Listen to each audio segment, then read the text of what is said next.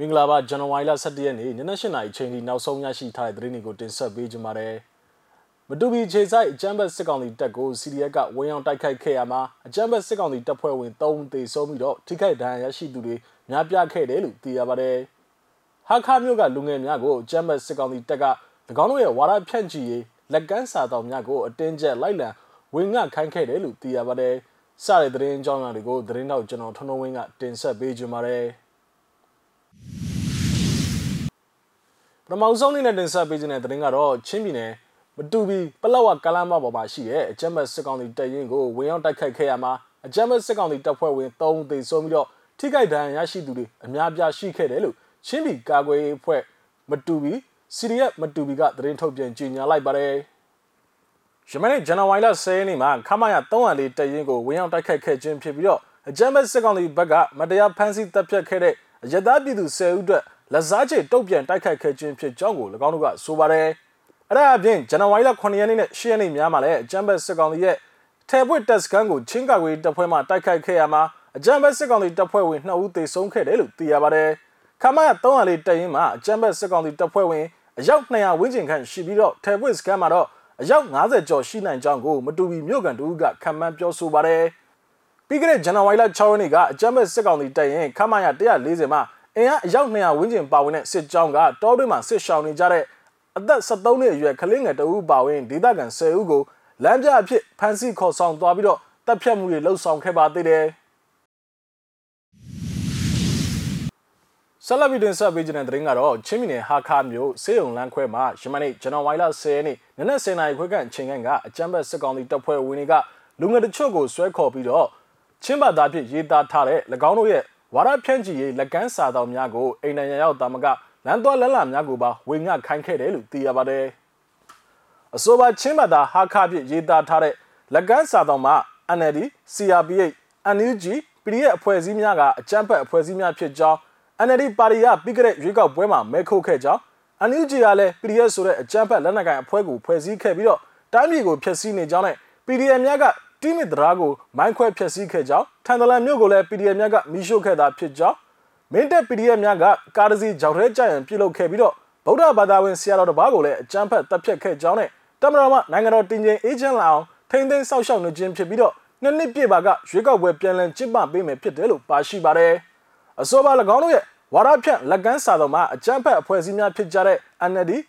CRPH, NUG, PDF တို့နဲ့ပတ်သက်ခြင်းအားပေးကူညီခြင်းများ ပြုလုပ်ပါကအရေးယူသွားမယ်လို့လည်းပါရှိပါတယ်အဆိုပါအကြမ်းဖက်စစ်တပ်ရဲ့ဝါရဖြန့်ချီရေးလက်ကမ်းစာဆောင်ရရှိသူတူကမှုချင်းဘာသာစကားဖြင့်ရေးသားထားတဲ့ဝါရဖြန့်ချီရေးစာဆောင်များမှာအရေးသားများကိုပင်ချင်းလူမျိုးများပင်နားမလည်ဘူးလို့မှတ်ချက်ပြုပြောကြားခဲ့ပါတယ်နောက်ထပ်အနေနဲ့နိုင်ငံတကာသတင်းတပုတ်ကိုလည်းတင်ဆက်ပေးကြပါမယ်။စူရန်အာနာသိမ့်မှုအတွက်ထောင်ထဲကြီးတဲ့ဆန္ဒပြသူတွေကိုလုံခြုံရေးတပ်ဖွဲ့ဝင်တွေကမြေယူဘုံတွေနဲ့ပြစ်ခတ်တိုက်ခိုက်မှုတွေလှုပ်ဆောင်ခဲ့တယ်လို့ နိုင်ငံတကာသတင်းတွေရသိရပါတယ်။အပြည့်စုံကိုတော့မြစည်းမသတင်းဌာနကတင်ဆက်ပေးထားတာပါ။နားထောင်ကြည့်အောင်ပါ။ January လ9ရက်တနင်္ဂနွေနေ့ကစူဒန်နိုင်ငံမြို့တော်ခါတွန်နဲ့အိန္ဒိချင်းမြို့တစ်မြို့မှာလူထောင်နဲ့ချီစုဝေးခဲ့ကြပြီးလွန်ခဲ့တဲ့၁၇ပတ်ကအာနာသိမ့်ပြီးနောက်ပိုင်းစစ်တပ်အပေါ်ဆက်လက်ဖိအားပေးဆန္ဒပြခဲ့ကြရမှာလုံခြုံရေးတပ်ဖွဲ့ဝင်တွေကမျက်ရည်ဘုံတွေနဲ့ပြစ်ခတ်ခဲ့ကြောင်းမျက်မြင်သက်သေတွေကဆိုပါတယ်။ စစ်ဦးစီးချုပ်ဗိုလ်ချုပ်ကြီးအက်ဘ်ဒယ်ဆဒါအယ်ဘာဟန်ဦးဆောင်တဲ့အော်တိုဘာလ25ရက်အာဏာသိမ်းမှုဟာ2019ခုနှစ်ကအာဏာရှင်အိုမာအယ်ဘာရှာကိုဖြုတ်ချပြီးနောက်ပိုင်းစစ်တပ်နဲ့အရက်သားများအကြားအာဏာခွဲဝေရေးအသွင်ကူးပြောင်းမှုကိုနှောင့်နှေးစေခဲ့ပါတယ်။ဒီမိုကရေစီလိုလားတဲ့ဆန္ဒပြသူများဟာတမ္မတနန်းတော်စီကိုဥတီသွားနေချိန်မှာလုံခြုံရေးတပ်ဖွဲ့ဝင်တွေက မျက်ရည်ယိုဘုံတွေနဲ့ပစ်ခတ်ခဲ့တာဖြစ်ကြောင်းမျက်မြင်သက်သေတွေကဆိုပါတယ်။အဆိုပါနေရာနဲ့စစ်တပ်ဌာနချုပ်အနီးလူစုလူဝေးမဖြစ်အောင်တားဆီးနိုင်ဖို့ကြိုးပမ်းတဲ့အနေနဲ့လမ်းတွေပေါ်မှာအတားအဆီးတွေချထားပါတယ်။မြို့တော်ခါတော်အပြင်အနီးနားကမြို့တော် အွန်ဒါမန်မှာလည်းလူထောင်နဲ့ချီပါဝင်တဲ့ဆန္ဒပြပွဲတွေဖြစ်ပွားခဲ့ပါတယ်။အာနာသိမ့်ပြီးနောက်ပိုင်းဆန္ဒပြပွဲတွေဖြစ်ပွားလာချိန်မှာအ ਨੇ ဆုံးလူ60ထက်မနည်းသေဆုံးခဲ့ရတဲ့ဖြိုခွင်းမှုတွေနဲ့ကြုံတွေ့ခဲ့ရကြောင်းစေပညာရှင်များအသင်းရဲ့ပြောကြားချက်အရသိရှိရပါတယ်။ အာဏာပိုင်တွေဟာဆန္ဒပြပွဲများနဲ့ထိတ်တက်ရင်ဆိုင်ရာမှာကြီးအစ်များအုံပြုပစ်ခတ်ခဲ့ခြင်းမပြုကြောင်းအကြိမ်ကြိမ်ညင်းဆိုထားပြီးမကြာခဏဆိုသလိုအရှိန်မြင့်တက်လာတဲ့ဆန္ဒပြပွဲများအတွင်လုံခြုံရေးတပ်ဖွဲ့ဝင်အများပြားဒဏ်ရာရရှိခဲ့ကြတယ်လို့ဆိုပါတယ်။ပြီးခဲ့တဲ့သတင်းပတ်အတွင်းကတော့ဆူဒန်အရက်ဘက်ဝန်ကြီးချုပ်အဗ်ဒူလာဟမ်ဒေါကနိုင်ငံဟာ၎င်းရဲ့ရှင်သန်ရေးကိုချိန်ချောက်နေတဲ့အန်ဒီရရှိတဲ့လမ်းစုံလမ်းကွာကိုရောက်နေပြီဖြစ်ကြောင်းပြောကြားခဲ့ပါတယ်။၎ င်းကိုမူလကအောက်တိုဘာအာနာသိမ်းမှုအတွင်း၎င်းရဲ့အစိုးရနဲ့အတူဖြုတ်ချခံခဲ့ရပြီးနိုဝင်ဘာလ22ရက်နေ့မှာယာဒူးပြန်လည်အနှင်းခဲ့ပါတယ်။အကြက်တဲကိုဖြည့်ရှင်းဖို့အတွက်အဓိကအကြဆုံးပါဝင်ပတ်သက်သူများကြားဆွေးနွေးမှုတွေကလွယ်ကူချောမွေ့စေလိမ့်မယ်လို့စနေနေ့မှာကုလသမဂ္ဂကပြောကြားခဲ့ပါတယ်။ဒါပေမဲ့ဘာရှားအစိုးရပြုတ်ကျရေးကိုဥဆောင်ခဲ့ပြီးအရက်သားအစိုးရအသွင်ကူးပြောင်းရေးအတွက်အဓိကအခမ်းကဏ္ဍကပါဝင်နေတဲ့အရက်သားမာမိတ်အဖွဲ့ FFC က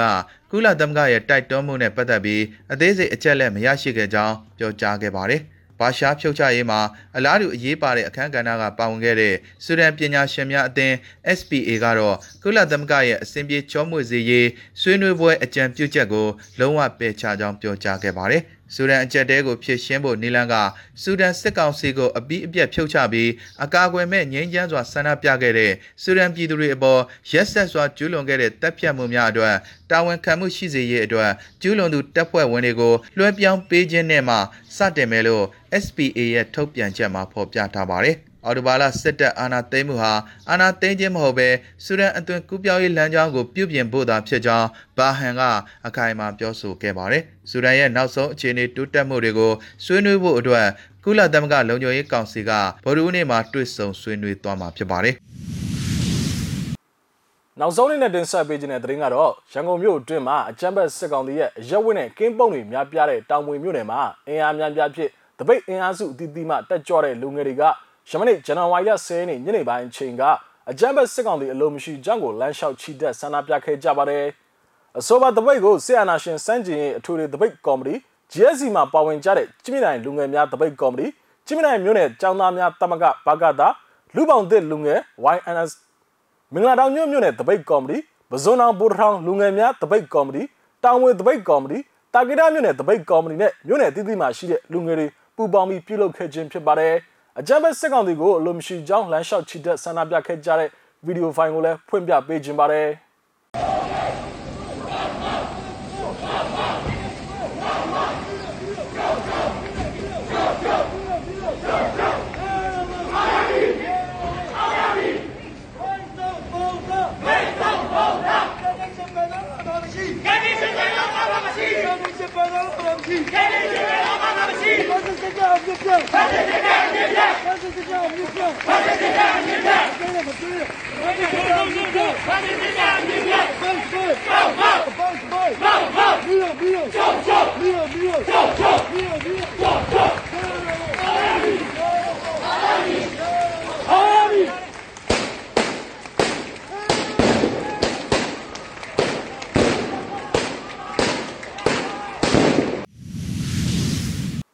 ဟုတ်ကဲ့ပါဇန်နဝါရီလ17ရက်နေ့နနက်၈နာရီချိန်ထိနောက်ဆုံးရရှိထားတဲ့သတင်းတွေကိုကျွန်တော်တို့မျိုးစီမှာဝိုင်းတော်သားများကနေပြီးတော့တင်ဆက်ပေးခဲ့တာပါ မြန်မာပြည်နယ်မှာနေထိုင်တဲ့မိဘပြည်သူတွေအကုန်လုံးဘေးရန်နဲ့ကင်းရှင်းကြပါစေလို့ဆုမကောင်းတောင်းရပါတယ်လက်ရှိဖြစ်ပွားနေတဲ့ COVID-19 ကရောဂါနဲ့ပတ်သက်ပြီးထိုးကူးဆိုင်ကြဖို့ကျွန်တော်တို့မျိုးစီမှာဝိုင်းတော်သားများကတိုက်တွန်းလို့ဆိုခြင်းပါတယ်နောက်ထပ်ရရှိလာမယ့်သတင်းတွေအတူတူကျွန်တော်တို့ပြန်လာခဲ့ပါမယ်